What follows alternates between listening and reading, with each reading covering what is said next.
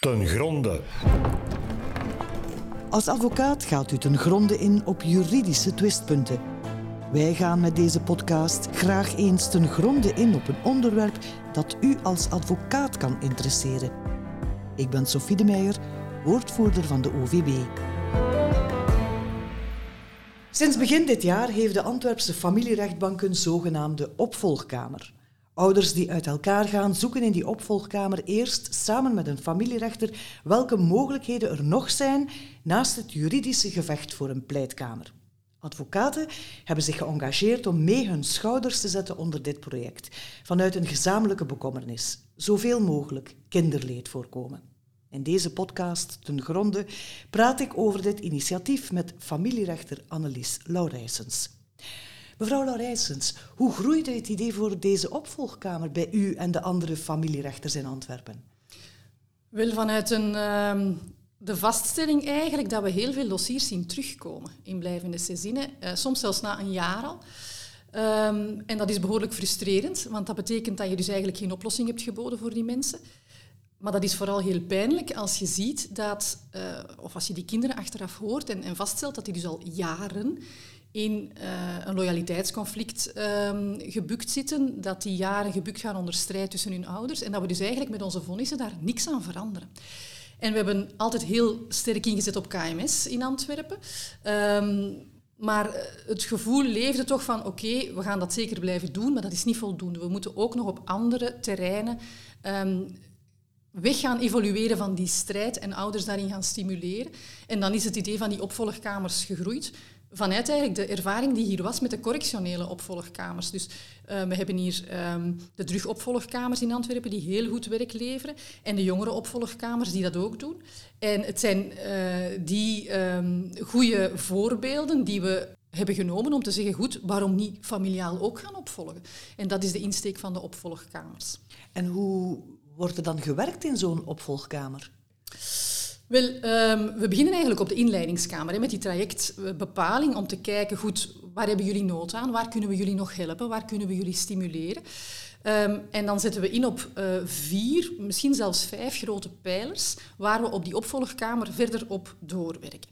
Um, en de idee is dat we daar als rechter niet meer onze traditionele uh, rechters, burgerlijke rechtersfunctie gaan, gaan uitoefenen van uh, ik ga alles van uw schouders nemen en ik ga in uw plaats beslissen, maar dat we dus ouders gaan stimuleren om via die vier pijlers uh, toch zelf nog naar oplossingen te komen. Al was het gedeeltelijke oplossingen, maar ik denk elk stukje dat ze samen nog kunnen beslissen is beter dan dat wij het moeten doen. En wat zijn die vier pijlers? De eerste is de balie, hè, de advocaten die zelf aan de slag gaan, die gaan onderhandelen, die gaan spreken met mensen.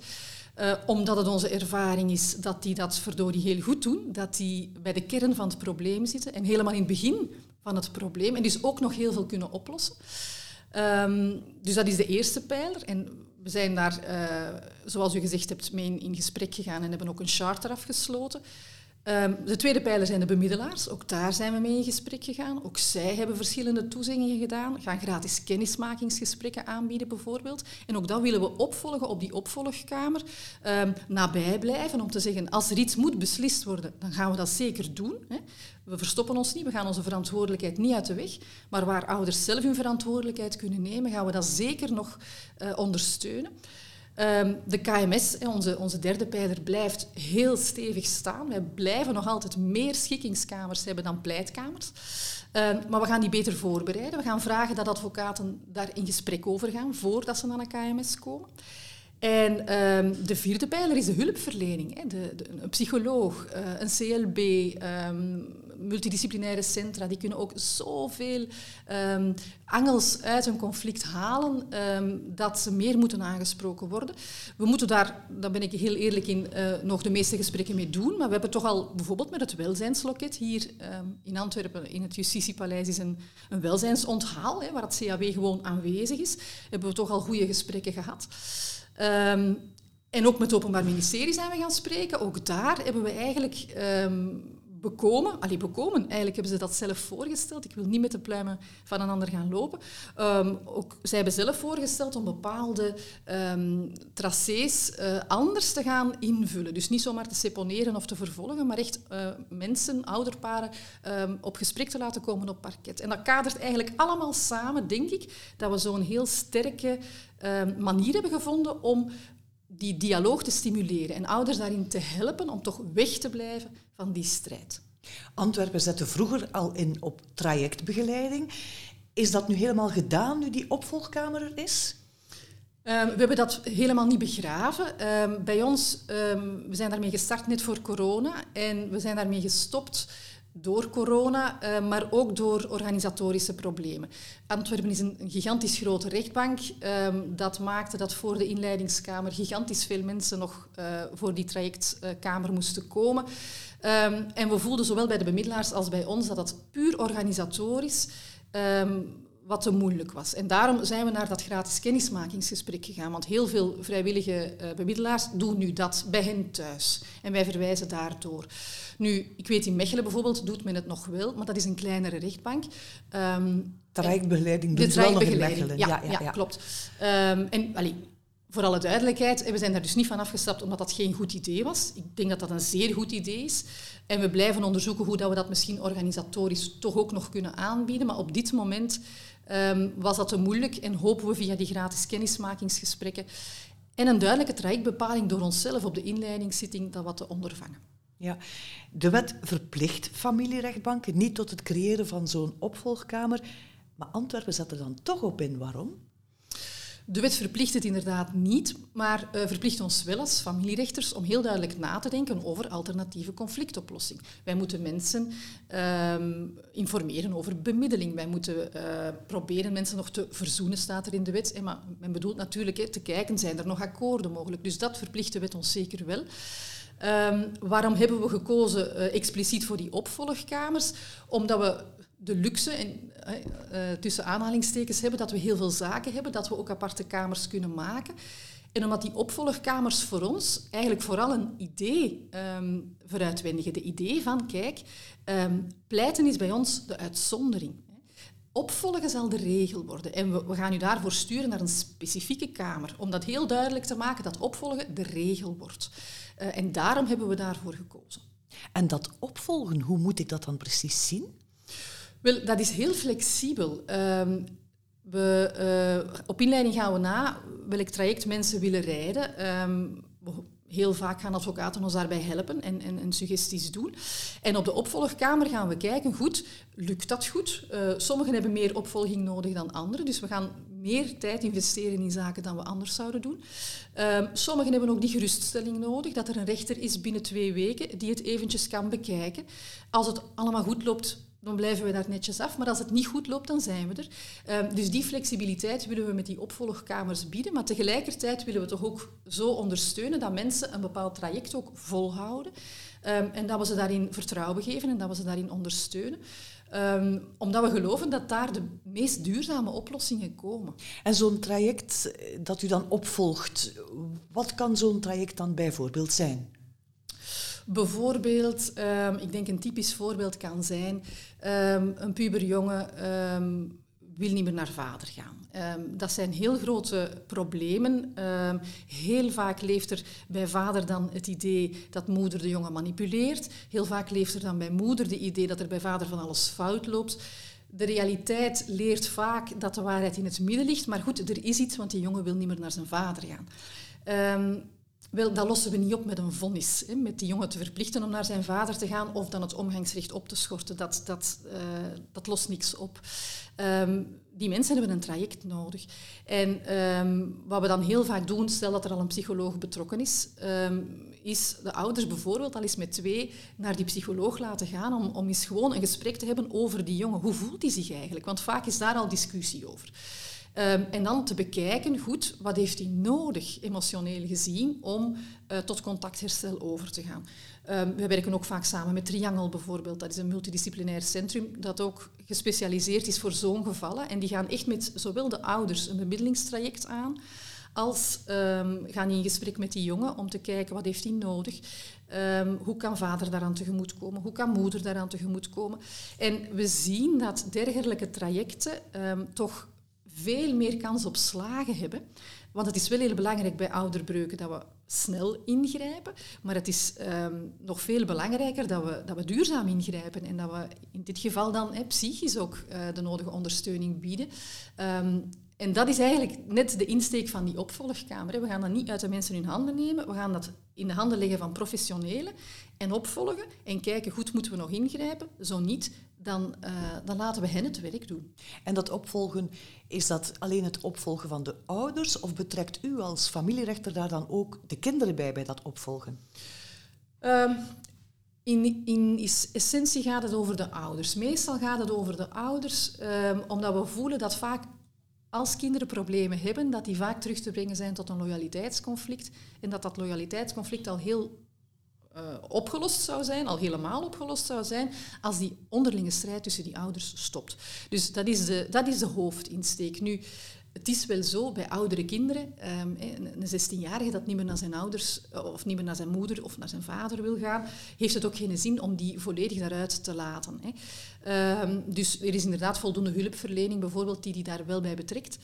Um, maar wat we niet gaan doen, is die kinderen al horen bijvoorbeeld. Dat doen we niet, net om die uit die strijd te houden en voorlopig um, te werken op het, op het vlak dat er moet gewerkt worden, uh, in dat geval dan hulpverlening. Ja, u zei het daarnet al, Antwerpen zette tot nu toe altijd al zwaar in op die kamers schikking. Er zijn er zes in Antwerpen. In die kamersmiddelengeschikking zoeken ouders al samen met een familierechter naar een soort akkoord. Wat is dan het verschil van werken tussen de kamersmiddellijke schikking en die opvolgkamer? Dat is eigenlijk een heel groot verschil nog. Ehm, de essentie van een kamermindelijke schikking is dat die rechter um, niet meer het petje op heeft van beslissende rechter. Dus die neemt geen enkele beslissing. Die gaat gewoon kijken, um, samen met de mensen, wat hebben wij hier gemeenschappelijk? Wat zijn onze gemeenschappelijke belangen? Hoe um, ja, gaan we samen naar een oplossing gaan waar iedereen zich in kan vinden? Dat is de taak van die KMS-rechter. Komt men niet tot een akkoord, dan zal die moeten doorverwijzen, maar die mag niet zelf beslissingen nemen. Um, essentieel bij een KMS is dat we voor die mensen een volledig uur vrijmaken, alleen voor hen, en dat we met hen in persoon natuurlijk, ze zijn natuurlijk in persoon aanwezig, uh, aan de praat gaan. Wel, dat is een heel groot verschil met de opvolgkamers, want de opvolgkamer die, wordt voorgezeten door een, een, rechter die wel degelijk beslissingen neemt en beslissingen kan nemen, want dat is net de flexibiliteit van die opvolgkamer. Als het echt dringend is, moeten we kunnen blijven tussenkomen. En mensen moeten dat ook weten. Um, dus uh, de, de functie of de, de rol van de rechter is helemaal anders. Um, er staan ook veel meer zaken op dan op een KMS, op die opvolgkamer. En de idee van de opvolgkamer is dat we, uh, zeker als er advocaten betrokken zijn, zoveel mogelijk schriftelijk kunnen doen. Want dat mogen geen flessenhalzen worden waar alles gaat stroppen in ons zittingsmanagement. Dus um, we vragen daar om zoveel mogelijk, als het niet dringend is, om zoveel mogelijk uh, schriftelijk te doen, want dat is ook veel gemakkelijker voor de mensen en voor de advocaten. Ik bedoel daarmee...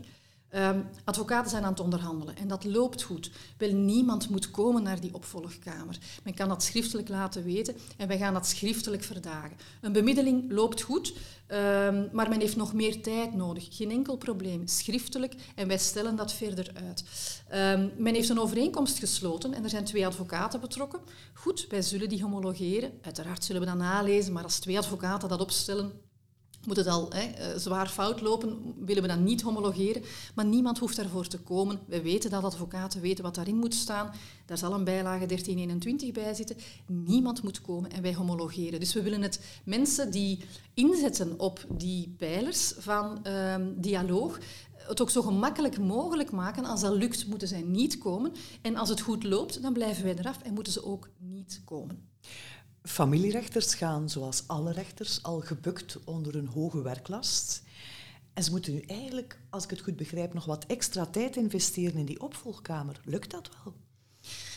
Dat is de grote bezorgdheid van, van iedereen. En ik weet, we maken het onszelf niet gemakkelijker. Hè. Uh, we hebben niet meer rechters, maar we doen wel meer zittingen. We doen twee extra zittingen per maand.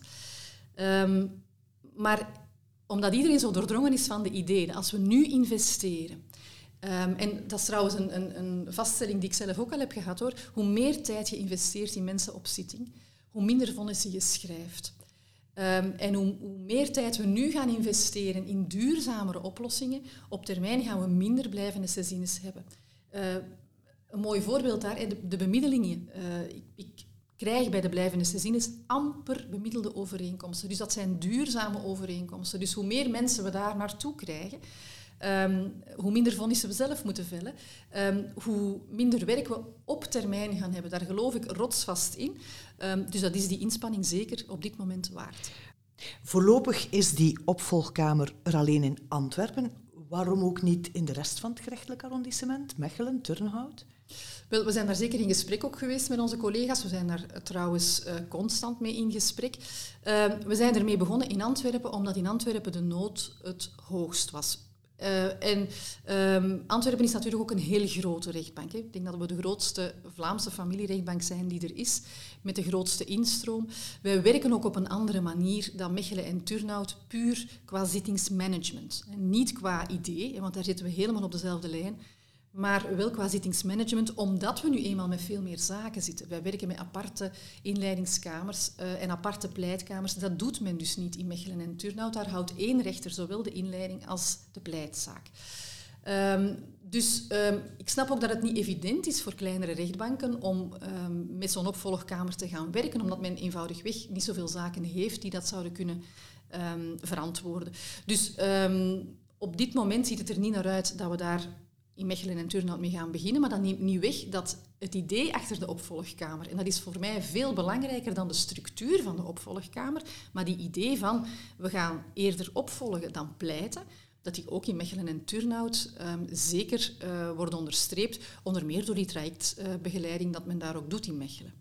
Heeft u al reacties gekregen van andere collega-familierechters uit andere gerechtelijke arrondissementen? Ja, en die waren eigenlijk allemaal heel positief, dus dat is heel fijn. Um, maar ik denk dat dat ook niet verwonderlijk is, omdat um, heel veel familierechters worstelen met diezelfde frustratie, hoor. Dat we, dat we eigenlijk niet veel aan het oplossen zijn met onze vonnissen. En dat, dat, dat we dus iets anders moeten doen. En er zijn, ga maar kijken, in heel België en ook in het buitenland heel veel andere even goede initiatieven. En iedereen probeert maar wat. En ik denk dat we um, zo allemaal samen wel, we moeten het warm water niet opnieuw uitvinden, maar allemaal samen wel de vruchten van elkaars werk kunnen plukken. In het begin van het gesprek haalde u het al aan dat advocaten één van de pijlers zijn van die opvolgkamer. Wat verwacht u dan precies van die advocaten? Wat is hun rol, hun taak? Wel, um, het is heel belangrijk, ze zijn een vertrouwenspersoon. Mensen um, gaan naar een advocaat als, als eerste persoon om raad, om advies. Dat zien wij op de rechtbank heel vaak. En, en uh, ik hoop dat advocaten dat ook heel goed beseffen, welke belangrijke functie dat ze daar bekleden. Wij zien als rechters heel vaak dat mensen achteruit kijken naar hun advocaat van wat mag ik antwoorden. Dus die advocaat geeft hen heel veel vertrouwen. Wel, als die advocaat nu in het begin van een geschil, in het begin van een conflict, heel duidelijk de boodschap geeft, kijk goed, um, welke oplossing gaan we hier vinden? Niet alleen nu voor dit concrete geschil, maar eigenlijk voor de toekomst, voor uw communicatie in het algemeen. En daarbij um, heel duidelijk communiceert over de KMS, over bemiddeling, over onderhandeling. En uh, zelf de strijd niet opzoekt. want het is een heel groot verschil. Een, een, een verzoekschrift dat heel um, sec en sereen is opgesteld of een dagvaarding waarin uh, tien jaar terug wordt gegaan en elk klein akkefietje in dat uh, huwelijk wordt beschreven, naald en draad, en de vuile was wordt buiten gehangen, dat zet een andere toon. En ik voel hoe langer hoe meer dat, en ik ben er heel blij om, dat heel veel advocaten kiezen voor die eerste weg, voor die serene weg, weg van de strijd ik hoor ook van veel advocaten dat ze veel meer voldoening halen uit hun job als ze mensen naar een akkoord kunnen begeleiden. Of toch minstens um, niet uh, de strijd induwen. Uh, en uh, dat geeft een heel goede wisselwerking, ehm, moet ik zeggen.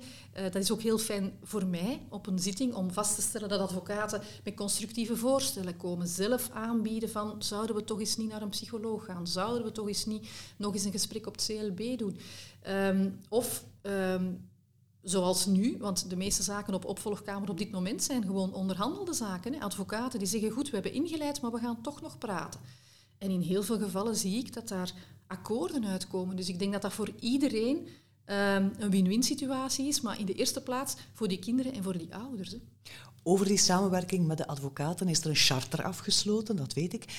Um, als ik u goed begrijp, dan bent u wel lovend over de samenwerking tot nu toe. Ja, uh, ja zeer lovend. Ik ben heel blij. Ik denk ook dat we op het juiste moment aan dat charter begonnen zijn. Ik denk dat we dat tien jaar geleden, misschien zelfs vijf jaar geleden, nog niet hadden moeten doen. Uh, maar ik stel vast dat eigenlijk in heel de maatschappij, maar ook bij de balie, ook bij de rechters, de geesten in uh, een bepaalde richting aan het evolueren zijn, dat men daar open voor staat en dat men inziet dat we allemaal onze rol te spelen hebben. Um, advocaten inderdaad niet als de, de pitbull die um, wil winnen, maar als een heel oplossingsgerichte vertrouwensfiguur die, die mensen kan begeleiden richting een oplossing, een echte oplossing. Um, en dat doet heel veel deugd. Um, dat die onderhandelingen met de Bali voor dat charter, die zijn vlekkeloos verlopen. Dat was zeer fijn samenwerken. Um, zij hebben ook hun bezorgdheden aan ons kunnen uiten. En die waren, uh, dat ging over het zittingsmanagement, die waren zeer terecht. ook daar gaan we uh, werk van maken. Maar dat geeft... Wat gaat er nog gebeuren aan het zittingsmanagement? Dat mag moderner. Laten we dat, laten we dat uh, simpel zeggen. Uh, we moeten mee evolueren. Uh, in justitie is er nog weinig digitaal. Advocaten kunnen nog weinig digitaal inkijken. Um, de eerste stappen zijn gezet. Ik kan als rechter al wel in het digitaal dossier. Uh, ik hoop uh, binnen de kortste keren dat we advocaten ook, zeker voor bepaalde inzages, uh, digitaal op hun wenken kunnen bedienen. maar ook dat die lange wachttijden toch wat verminderen, want dat is, dat is niet oké. Dat is niet oké voor mensen, maar ik snap ook voor advocaten, dat is niet oké. Dus we, gaan, we zijn daar naar oplossingen aan het zoeken om toch dat wat moderner te maken, digitaler te maken. Um, met een app bijvoorbeeld. Um, dat is nog toekomstmuziek, maar we zijn er alleszins mee bezig. Om nog even terug te komen op dat charter, wat werd er dan bijvoorbeeld vastgelegd in dat charter? Wel, het allerbelangrijkste aan dat charter is dat we allebei zeggen, um, wij willen weg van de strijd. En wij blijven weg van de strijd. Wij gaan ouders, um, en in het belang van die kinderen vooral, richting oplossingen um, begeleiden. En dat betekent voor advocaten dat ze inderdaad mensen gaan ten volle informeren over alle mogelijkheden die er zijn, dat ze een sereen taalgebruik gaan hanteren, um, dat ze de zaken niet op de spits gaan drijven, niet gaan procederen om te procederen. Um, maar dat betekent ook dat wij als familierechters um, mee in dat traject gaan stappen en mee gaan ondersteunen, maar ook dus de balie daarin gaan ondersteunen en, en ook aan mensen duidelijk te kennen geven dat wij het volste vertrouwen hebben in die advocaten. Als ze daarmee willen verder praten, dat dat zeker de moeite waard is om dat te doen. Krijgt u alle advocaten zover? Voorlopig, en ze zullen op zitting het niet gemakkelijk tegen mij zeggen, maar heb ik de indruk dat het idee wel aanslaat. Um, heel veel advocaten, we moeten er ook niet flauw over doen, werken eigenlijk al via die principes hoor. Um, ik, ik, lees al bij heel veel advocaten tot mijn grote blijdschap dat ze op een heel constructieve manier met familiale geschillen aan het omgaan zijn. Dus um, ik denk dat dat een, een idee is dat men gaat daar wat, wat moeten aan wennen natuurlijk, die opvolgkamer. En die gaat zijn kinderziektes hebben en, en we gaan daar nog moeten over samenzitten. Maar ik denk in het algemeen dat we wel kunnen zeggen dat men mee is, ja. Dit nieuwe project bestaat nu iets meer dan twee maanden. Hoe zijn uw ervaringen tot nu toe met die opvolgkamer? Wel, heel erg goed eigenlijk. Um, ik heb uh, voor mezelf zo eens een paar cijfers bijgehouden. Um, en we zijn nog niet ver, ik weet het, tweeënhalve maand, maar toch zie ik al dat er een pak minder zaken naar een pleitkamer vertrekken van die inleiding. Ik zit nu op ongeveer een zesde van de zaken, dus dat is eigenlijk heel erg weinig.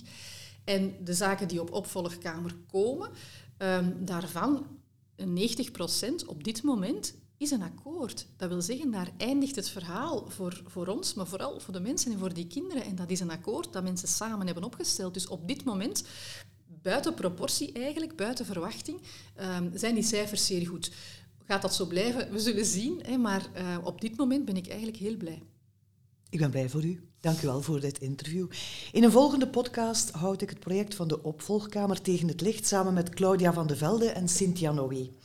Als advocaat in Antwerpen gespecialiseerd in familierecht is meester Van de Velde nauw betrokken bij de werking van de opvolgkamer, terwijl meester Noé, advocaat aan de Bali Brussel Nederlandstalig en ook gespecialiseerd in familierecht, het systeem van de opvolgkamer vergelijkt met de trajectbegeleiding waar de Brusselse familierechtbank op inzet.